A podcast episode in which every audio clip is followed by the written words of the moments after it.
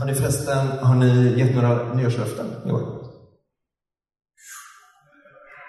Några har det. Jag tänker att det är liksom, nej, nej, nej, det, det ska man inte göra. Så. Men eh, ja, det är bara att säga om ni inte vill. kan ha en liten session sen när vi håller lunch. kan alla berätta sina nyårslöften. Eh, för mig så är nyår en tid när jag förr hade jag väldigt mycket löften som jag aldrig höll. Vilket skapade en stor ångest varje nyår. Men eh, eh jag har liksom av med det lite. Ändå så är det en tid, tror jag, som många, eller det är helt uppenbart om man tittar på hur, folk, hur företag marknadsför, eh, är det en tid när många reflekterar över sina liv och tänker eh, okej, okay, är jag där jag vill vara? Gör jag det jag vill göra? Är jag okej? Okay? Och så, så anmäler man sig till ett gym och så tränar man lite extra hårt i tre veckor. Eh, men den här tanken med eh, är jag okej? Okay? är det som jag tänkte på lite grann. Och jag eh, mindes när jag förberedde mig en, en eh, undervisning från en eh, predikant som heter Tim Keller. Eh, och eh, jag eh, kommer att dela lite reflektioner väldigt mycket utifrån det eh, idag. Och vi ska läsa en eh, bibeltext som eh, finns i Lukas Lukas 18, 9 och 14. Det är en liknelse som Jesus eh, eh, gav där.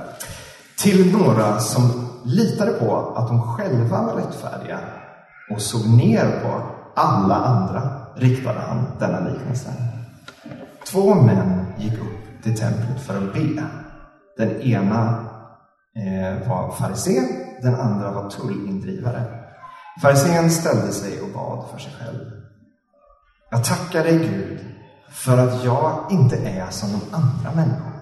Tjuvar och bedragare, horkarar eller som den där tulldrivaren där. Jag fastar två gånger i veckan, jag lämnar tionde på allt jag köper. Men tullindrivaren stod avsides och vågade inte ens lyfta blicken mot himlen. Han slog med händerna i bröstet och sa Gud, var nådig mot mig, syndare. Men jag säger er, det var han som gick hem rättfärdig snarare än den andra. Till den som upphöjer sig ska bli förödmjukad, den som ödmjukar sig ska bli upphöjd.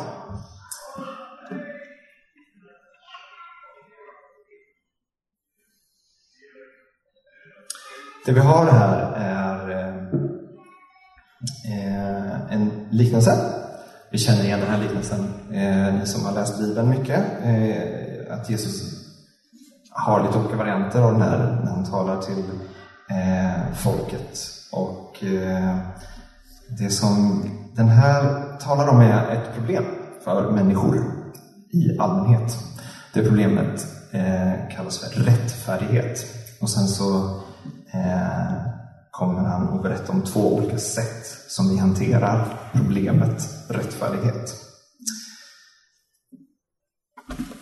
För mig så är rättfärdighet i sig ett problem, för det ordet är så frånkopplat min, mitt vokabulär. Och min, liksom, det säger mig bara inte så mycket. Jag vet inte hur ni reflekterar över ordet rättfärdighet. Det är något kyrkligt som man kan liksom beskriva någonting kring, men det är ingenting som, som egentligen är relevant på något sätt. Kanske så var det någonting som folk var väldigt upptagna med förr i tiden.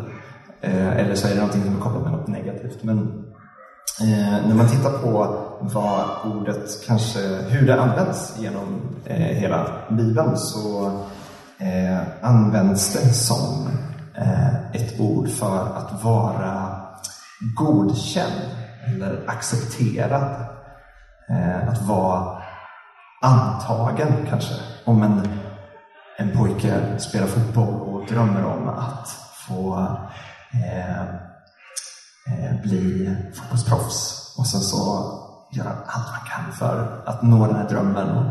Det, finns, det är ju helt omöjligt att ens komma med i, i IFK Göteborgs farmarlag. Har de något sånt? Jag vet inte, som är fotbollsintresserad. Men han ansöker i alla fall till FC Barcelona och blir antagen. och den liksom, känslan när man får reda på det här är ungefär det som rättfärdighet beskriver. Att man, det är en, en, en djup eh, tillfredsställelse av att vara accepterad. Det finns många andra sätt att beskriva det här såklart, men det skulle kunna vara en. Eh, ja, den här accepterandet, eller det här bekräftelsen, du är antagen, eller du är okej, okay, du är godkänd, den är en ganska allmänmänsklig sak.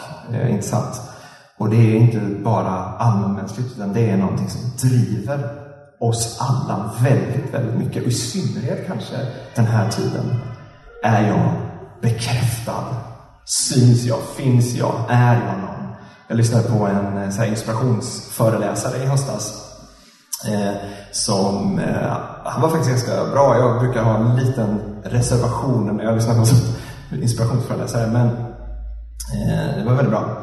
Eh, och han, eh, jag kommer att tänka på honom för att han delar lite sin uppväxt. Och, eh, han hade en sån story som det var nog ingen som inte fällde en liten tår när han liksom kom fram till. Men han hade väldigt traumatiskt, eh, åkte mellan olika barnhem, hade uppväxten i en familj med stora, grava alkoholmissbruk. Han hade en pappa som var väldigt fysiskt våldsam, som slog sin mamma och nej, han slog sin fru. Alltså, han, han och, eh, men han bestämde sig för att jag ska reda ut det här. Jag ska inte eh, bli så och jag ska ta mig härifrån. Han började plugga, han kom in på juristlinjen, kom in på ekonomi, tog flera examen.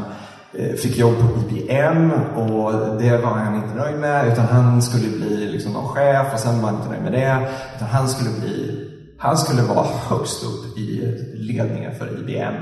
Och det här är ju då under IBMs absoluta peak-tid. det följer ju sen lite för alla som vet vem IBM och vilka IBM är.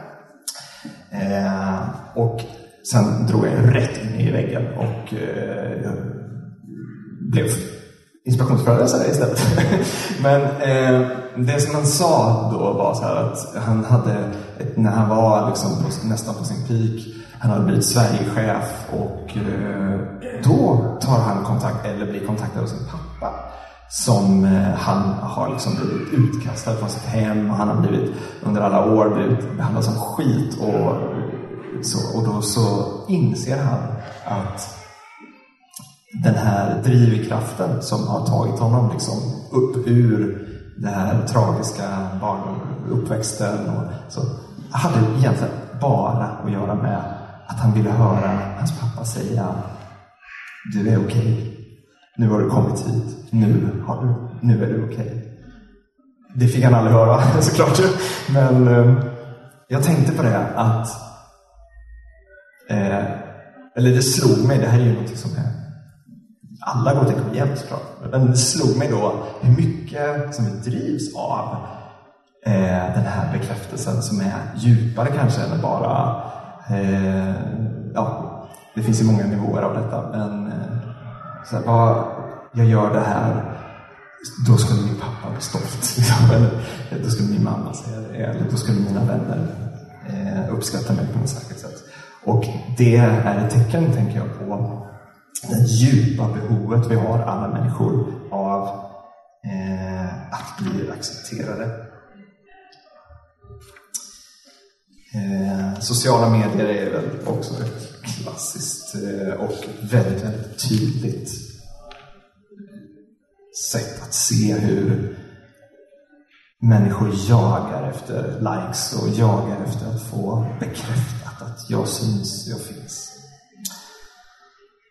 Eh, och så här har det varit. Det är inte någonting med, som har kommit med Facebook, utan det här är ju någonting som är, sitter i oss människor. Det har ju alltid varit så i alla tider. Det finns ju många krig som startar bara för att man ska, ska få pappas godkännande eller, eller folkets eh, kärlek eller vad det kan vara för någonting som man, som man jagar efter. Dem. Eh, men det har inte alltid varit så här. Eh, när Gud skapade människan, så Adam och Eva, så var vi ju i eh, i ett tillstånd där vi beskriver Bibeln inte ens hade några kläder. Eh, vi hade ingenting som vi behövde skruva för att ställa oss lite bättre, göra oss lite bättre. Det fanns ingenting som behövde liksom eh, täckas eller, eller, eller för, förändras eller för, förljugas eller någonting. Utan Adam och Eva levde i en fullkomlig kärleksrelation till Gud. Där fanns det ingen hunger eller ingen törst efter bekräftelse på det sättet. Det kom sen när vi bestämde oss för att vi ville själva vara herrar över våra egna liv. Vi ville själva ta eh, kontrollen över det och sen kom synden in och eh, därefter har vi ju eh, byggt upp den här eh, omättbara känslan av bekräftelse. För även om vi jagar det här och får bekräftelse, mättar det aldrig. Har ni tänkt på det? Ja, det har ni tänkt på. Bra. eh,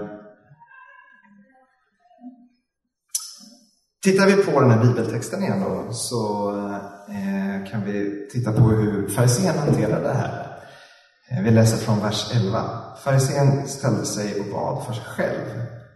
Jag tackar dig Gud för att jag inte är som andra människor. Tjuvar, bedragare, horkarlar eller som tullindrivaren där. Jag fastar två gånger i veckan. Jag lämnar tionde på allt jag Kör! Det finns tre saker jag tänker på i de här eh, eh, texten och det är det första är att hans, när han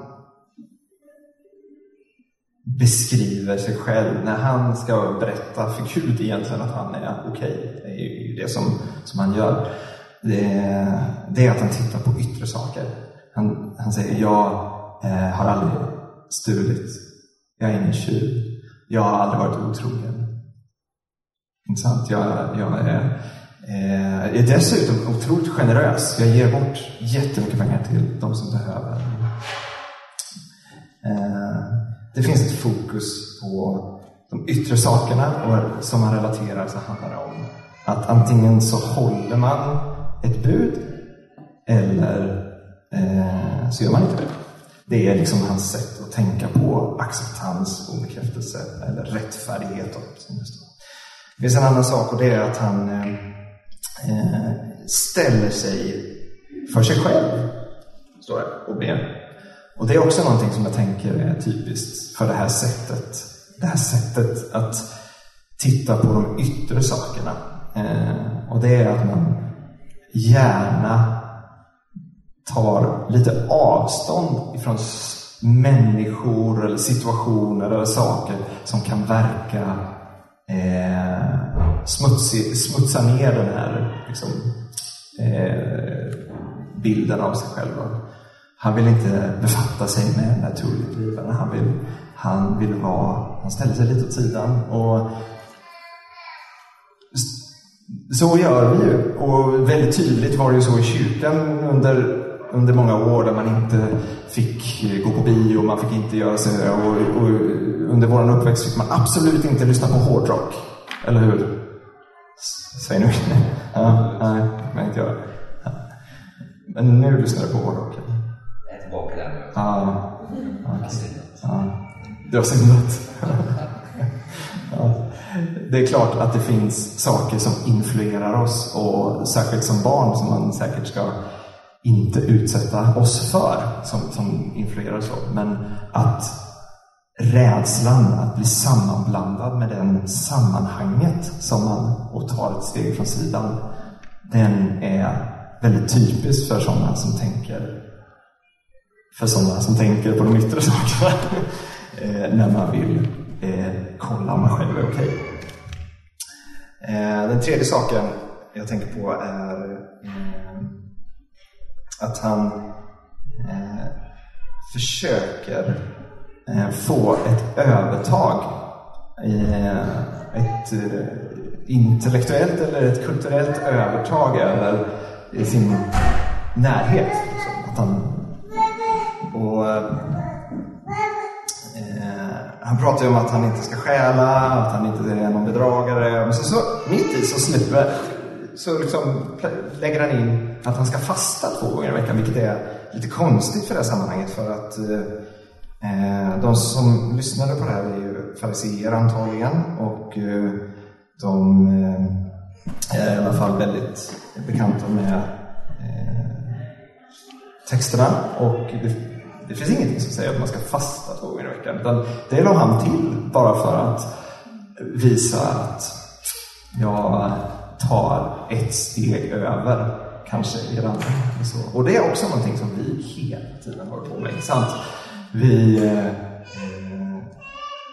låter folk förstå att nej, jag har inte, jag har inte sett den filmen, men jag har läst den boken.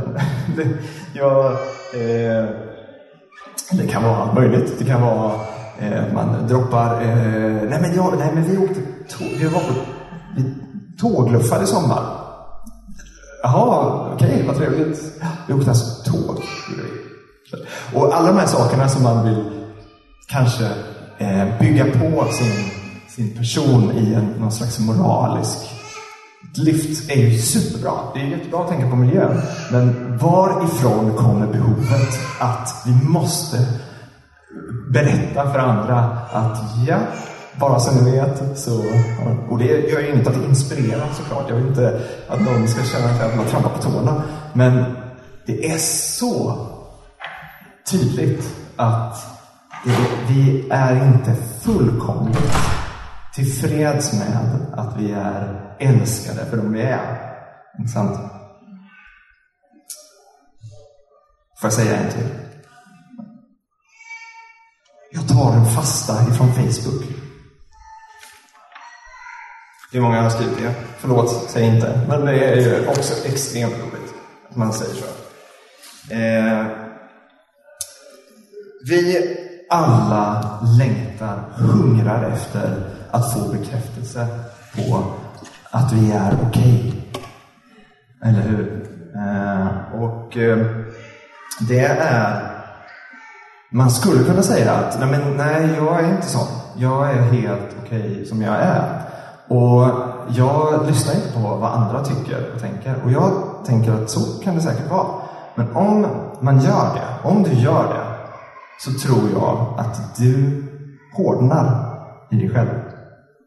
Det är ingen motsägelse nu vad jag har sagt innan. Utan jag tror att vi behöver bekräftelsen. Vi gör det. Och om du inte gör det så kommer du att bygga en mur runt dig. Och den vägen som du tar då är inte en bra väg. Det kommer göra dig hård och det kommer göra att du bara tänker på dig själv till slut. Och eh, därför har vi ett problem med bekräftelse, inte sant? Eh, Farisén som eh, vi pratar om här han är ju inte ond. Han är ju, jag vet inte vad ni har för bild, nu är vi inne på kyrkspråket igen. Han, vad, vad har han för, liksom, han ger bort pengar. Han är en väldigt god person. Han gör, antagligen älskar han Gud av hela sitt hjärta. Inte sant? Men han kanske inte är helt övertygad om att Gud älskar honom. Eh, tullindrivare å andra sidan. Det är också en intressant figur. Jag vet inte vad ni har för bild när man säger tullindrivare. Det är väldigt, också ett väldigt märkligt ord och bara, i min värld existerar bara i Bibelns berättelser. Och då, jag tänker en lite korpulent gubbe som är eh, lite så här lurig. Men en tullindrivare är i, i Bibeln är ju, han är ju en svikare. Han är ju, för den här tiden är ju han den som, som pressade ut pengar ifrån alla medborgare eh, och eh, fattiga också. Och, och varför? För sin egen vinning. Det var inte så att de var straffkommenderade av, av Rom att ta, utan de har ju anmält sig fri. De var kvisslingarna eh, som var i Norge. De allierade sig med, med nazisterna. Och, eh, och, och, det är ju fruktansvärt Och eh, gång på gång så drar ju Jesus de här liknelserna. Att, ja, men vem är det som kommer före? Jo, det är den här tullindrivaren. Vad skulle vi kunna säga idag om vi eh, tänker på tullindrivare? Är det eh, de här riktigt äckliga gubbarna som styr trafficking? Eller är det, alltså hur, hur illa kan det vara? Och Jesus säger, mm, de kommer före. De som försöker vara goda. Och då tänker man, det är otroligt provocerande av Jesus att ta den här liknelsen. Och han gör det ju inte bara den här gången, han gör det gång på gång. Så vad är det Jesus försöker säga? Han försöker inte bara provocera för att provocera. Han är inte som väcka uppmärksamhet. Han är inte någon influencer som bara slänger ut någonting. Han är, har ju ett budskap såklart. Och tittar man på det så eh, kan man ju se eh, egentligen är det väldigt enkelt. Det är ju hjärtat av evangeliet. För eh, försöker vi eh, att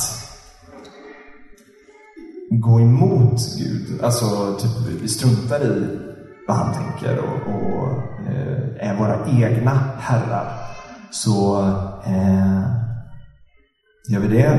Försöker vi att eh, gör, hålla alla bud så eh, går vi den vägen. Det finns två vägar liksom på något sätt. Eh, men båda de vägarna har egentligen samma syfte. För vad vi gör när vi, vi säger till Gud så här, titta här på mina yttre saker. Jag åker tåg, jag är god mot alla människor, jag ger pengar.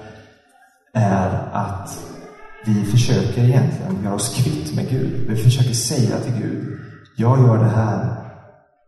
Därför är du skyldig att godkänna mig, att acceptera mig. Hänger ni med? Eh.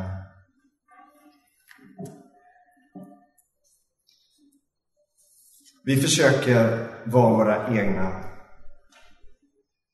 räddare vi försöker att själva kontrollera hur är jag som kristen? Jo, om jag gör det här, då har jag gjort det, gjort det väldigt bra. Men Jesus drar den här liknelsen för att också berätta hur vi kan göra. Och eh, eh, vi ska titta på hur det kan se ut om vi utgår ifrån, inte från ut, utifrån, utan vi ingår ifrån, eh, utgår inifrån. Vi läser eh, Lukas 18 och trettonde versen. Men tullindrivaren stod avsides och vågade inte ens lyfta blicken mot himlen utan slog med händerna mot bröstet och sa Gud, var nådig mot mig, syndare. Här har vi en helt annan typ av eh, bön, inte sant? Eh, Farisén, han bad eh, jag tackar dig Gud. Och sen resten av bönen är bara om honom själv. Eh, den här bönen ser helt annorlunda ut. Han säger bland annat var, var nåd mot mig syndare. Och han säger inte ens en syndare, utan han säger syndare. Bara. Och den här tunnelgivaren, han eh, jämför sig inte med någon. Eh, han är inte... Eh, men det finns ju alltid någon som gör saker värre än en själv. Här är ett bra läge att säga att jag, jag gör ju inte allt rätt. Jag är en syndare. Han utgår inte överhuvudtaget från det, utan han bekänner det tillstånd han är i. Jag har syndat mot dig. Jag är syndare. Väldigt fint faktiskt. Eh, eh han eh, ser synden bakom synden. Han tittar inte på de här, jag har gett pengar, jag har inte eh, eh, stulit, jag har inte varit otrogen. Utan han, han ser vad är, vad är det bakom synden och säger som det är. Och det han också gör, det är att han kastar sig rakt in i Guds nåd. Eh, han säger Gud var nådig. Och nådig är intressant för att eh, eh, nåd, det finns lite olika eh, översättningar eller betydelser av det ordet. Och just i det här fallet är det, använder Jesus ett ord som är inte så vanligt i Bibeln tydligen. Jag kan ju inte hebreiskan. Fredrik kanske kan hjälpa mig där. Eh, det här används egentligen bara två, på två ställen i Bibeln. Och det ena stället är eh, nådastolen som är i Gamla Testamentet. När eh, eh prästerna skulle eh, offra försoningsoffret och eh, ta, emot, ta emot försoningen. Man gjorde en gång om året i det allra heligaste. Så eh, beskriver man det som den nådastolen i det ordet nåd. Alltså försoning, försonande nåd. Och sen finns det i eh, Hebreerbrevet också eh, en gång till det används. Och det är när eh, Hebreerbrevets författare beskriver Jesus som eh, en överste präst som blev som en av oss för att sona för våra synder. Så det här ordet han pratar om nu eh, var försonande nådig mot mig. Och det är nyckeln i hela den här texten, tror jag. Eh, det var det som talade till mig mycket i alla fall. Jesus har ju dött för oss och han har ju försonat oss. Han har tagit det som är inte okej okay och gett sin rättfärdighet till oss. Det är ju det som är eh, evangeliet. Och om eh, vi ska eh, ta emot det här, då måste vi förstå att Jesus älskar oss. Jesus älskar dig och vi måste förstå det djupt i våra hjärtan. Och om han är våran försoning, då har han också möjlighet att komma nära oss. Inte sant? Och leva tillsammans med oss. Vi kan bli, vi kan få del, ta del av hans liv. Eh, så eh, det Jesus syftar på här, det är att trots vad vi gör, trots alla fel vi gör, eller om vi inte gör, spelar ingen roll om du är farisé eller om det är en tullindrivare. Det spelar ingen roll, därför att det är Jesus rättfärdighet som är den som tillräknas oss. Eh, det är... Eh, och om hans kärlek, som han visar i det, kan fylla våra hjärtan, då kan vi också vara helt säkra på eh, att vi har fått godkännandet. Att vi är antagna, att vi är accepterade. Eh, det är det andra sättet att ta, eh, att ta sig an problemet med rättfärdighet. När vi känner att vi inte räcker till. Det är det här som kommer räcka till. Det här är det som mättar. Bekräftelsen som mättar. Eh, vi behöver inte vänta på att vårt liv börjar ta slut för att se om det gick bra hela livet. Eller, eller vi, de flesta, alla av oss här har ju fått möta Jesus och vi behöver inte vara oroliga att någon gång framöver kanske jag inte kommer att, att hålla. För det handlar överhuvudtaget inte om eh, dig. Utan det handlar om Jesus rättfärdighet. Det är den vi får del av. Och när vi blir fyllda av kan de goda gärningarna och det rättfärdiga livet levas ut. Inifrån och ut. Eh, så den stora skillnaden är att leva ett återhållsamt liv. Ett liv där man försöker att göra så gott som möjligt. Eller att leva ett liv där Jesus förvandlar ditt inre. Det är liksom två olika sakerna. Och det evangeliet är att Jesus vill förvandla.